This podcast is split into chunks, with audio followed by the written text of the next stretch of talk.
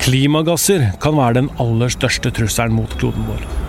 Det måtte en global pandemi til for å få oss til å bruke mindre. Er det en kortsiktig bedring vi er vitne til? Eller vil lufta også være renere etter at pandemien har gitt seg? Jeg heter Tor Erling Tømt Ruud, og dette er Verdens gang korona.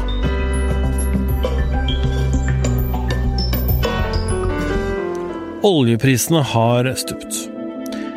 Faktisk så blir det så billig med olje at kull, som er noe av det som forurenser mest i verden, og som brukes av fabrikkene til å produsere varer, blir utkonkurrert. Fabrikkene velger olje isteden som drivstoff, fordi det er billigere. I tillegg så lammer koronaviruset produksjonen, først i Kina, og så i resten av verden. I India, som er et av verdens mest forurensa land, har portforbudet gjort at bilene parkeres, og himmelen for første gang på flere år er blå igjen. Astrid Mæland, kommentator her i VG, du har skrevet om nettopp dette her. Koronakrisa har noe å si for miljøet. Hva er det som slår ut nå, som gjør at eh, klimaet blir eh, bedre? Ja, Det er jo to ting vi snakker om her. Det er lokalt klima, eller luftkvaliteten der du bor, og så er det jo globalt klima, altså temperaturøkning globalt i verden, da. Og det er jo to helt forskjellige ting. Det viser seg jo nå at en god del storbyer, jeg lurer på om jeg las 90 storbyer eller noe sånt, har fått markant forbedra luftkvalitet ettersom de har slutta å uh, kjøre bil i rushen, de har slutta å tatt fly, og de har slutta å slippe ut uh, sånne lokale forurensnings... Uh, eh, greier. Altså ikke CO2, men nitrogendioksid mest av alt. Svevestøv sikkert, og alle mulige sånne ting. Så i New Delhi så har de hatt eh, blå himmel og, og, sol når de har stått opp om morgenene for første gang på lenge. Det varierer jo litt med, med, med temperatur og klima ellers òg, den lokale forurensninga. Men det har jo vært en del eh, flotte, kjempe kjempestore eh, hovedstader og storbyer rundt om i verden der eh, de har eh, finvær og flotte fjell, men som det, ikke, som det ikke går an å se fjellet og sola fordi det er så mye smog. Og vi kommer til å føle på det i alle fall ut dette året. Det kommer ikke til å være fristende med en cruiseferie i år. Flya står på bakken, og CO2-utslippene fra reiseliv alene går ned. Men flytrafikken vil jo ta seg opp igjen, og etter alle solmerker så kommer folk også til å kjøre bil, både i India og i Kina. Så klimaendringene vi opplever i verden, de kan likevel føles midlertidig. Du har snakka med, med, miljøbevegelsen også. Hva mener miljøbevegelsen om muligheten dette gir for klimaet videre? Jeg tror ikke det er noen som er noe glad for pandemien. Det er Alle sammen ser mørkt på det. Og eh, i den grad man kan spore noe forskjell på norsk miljøbevegelse, så er det vel kanskje dem som eh, håper på at eh, forbruket skal gå ned. De kan se litt lysere på det, for nå går jo forbruket ned i verden, og vi kan få mindre utslipp, eller vi får mindre utslipp av CO2. Eh, mens eh, de som er teknologioptimister, håper på at vi skal få ny energi gjennom sol og vind og ny teknologi. De er mer pessimistiske fordi at de ser at investeringene til grønn energi går ned på akkurat samme måte som eh, alle andre investeringer går ned nå med koronakrisen, som også er en stor, stor økonomisk krise. Den store krisen verden står i nå, koronapandemien, har gitt verden en vekker. Vi var ikke godt nok forberedt, kanskje. Samtidig så ser vi at internasjonale forskermiljøer står samla så raskt som mulig for å få opp både en vaksine og medisin. Bill Gates prata på TED Talk for litt siden. Der dro han paralleller mellom eh, koronapandemien og klimautfordringene. Han sa at måten forskermiljøer jobber sammen i dag, er noe klimakampen også kan dra nytte av. Og selv om kampen nå står om å finne en vaksine og medisin mot covid-19, så mener Gates at det trenger ikke forsinke innovasjonstakten i klimakampen. Yes, that idea of innovation and science and the world working together, that is totally common between these two problems. And so I don't think this has to be a huge setback for climate. På Twitter advarte USAs tidligere president Barack Obama om konsekvensene av klimakrisen hvis ikke verden anerkjenner advarsler. Det han gjør, er å sammenligne det at verden ikke var godt nok forberedt til pandemien vi står i nå, med advarslene vi får om en forestående klimakrise. Altså De landene nå som, som neglisjerte en advarsel mot denne pandemien, da, har jo på en måte slitt med det. Eh, og noen har sammenligna det med å, å, på en måte ikke bry seg om en advarsel mot en klimakrise også. Er egentlig verden forberedt på en, en større klimakrise eh, hvis den kommer?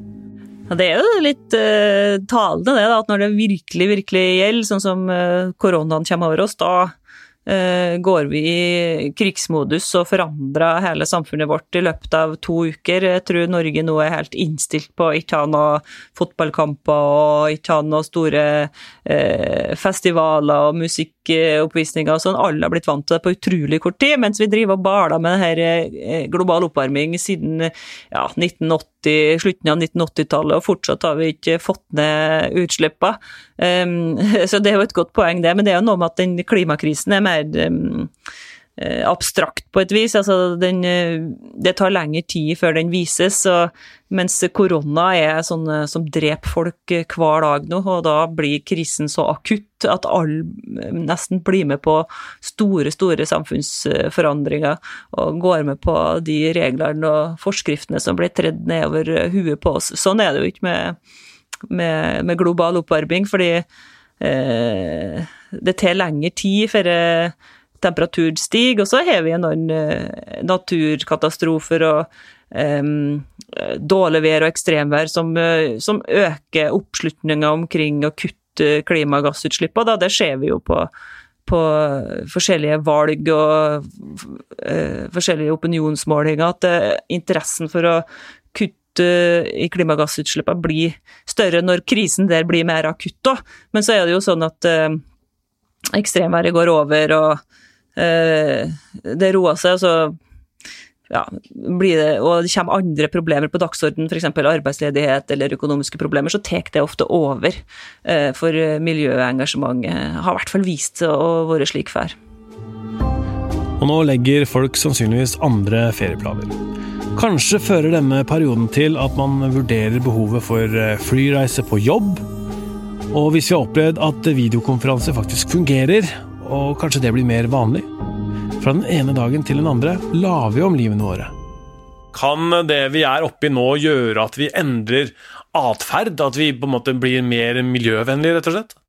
Ja, kanskje lite grann, da. Det er jo slik at vi driver på med podkast på på, hvert, på hvert vårt hjemmekontor, vi driver ikke og reiser til hverandre, og slike vaner er jo mulig at kan feste seg. Nå er jo til og med eh, menn og de som bestemmer i toppselskapet, har blitt tvinga til å gå over på digitale løsninger.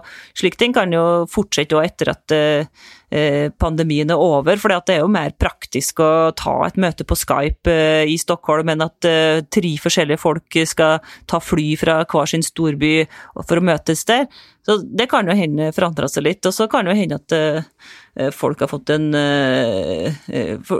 oppvekker og ikke har så lyst til å mm, reise så mye heller, og kanskje ikke være i så store forsamlinger. Det gjenstår jo å se. Den lærdommen tar vi jo med oss Eh, når, når, krisen er over òg.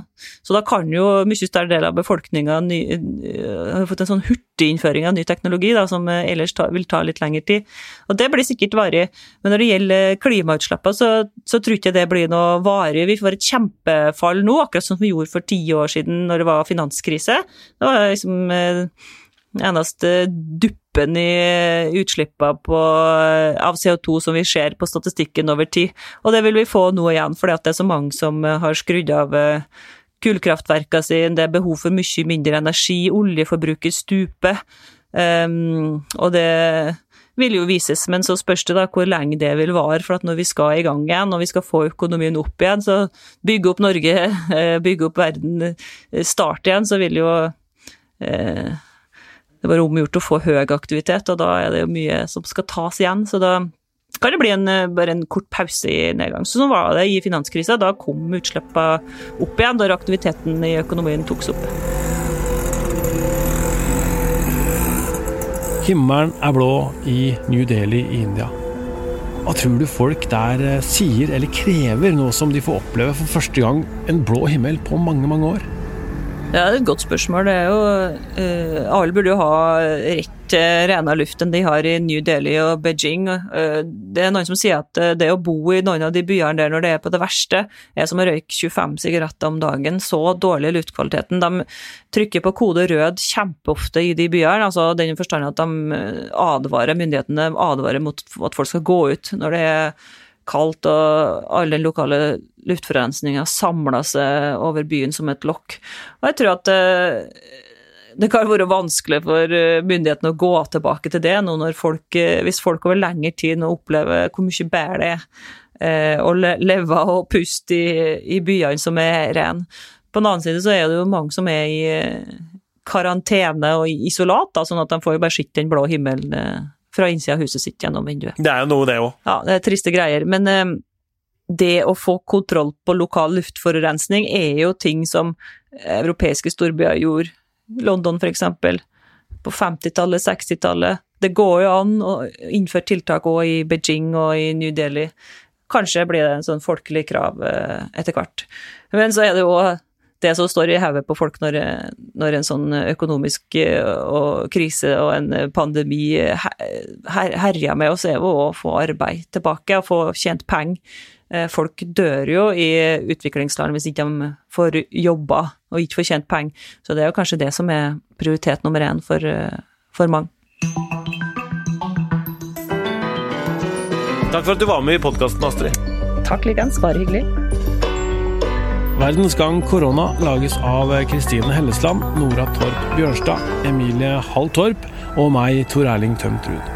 Sammen med teknisk produsent Magne Andonsen ønsker vi deg en god påske, og planen er å komme med en ny episode tirsdag 14. april.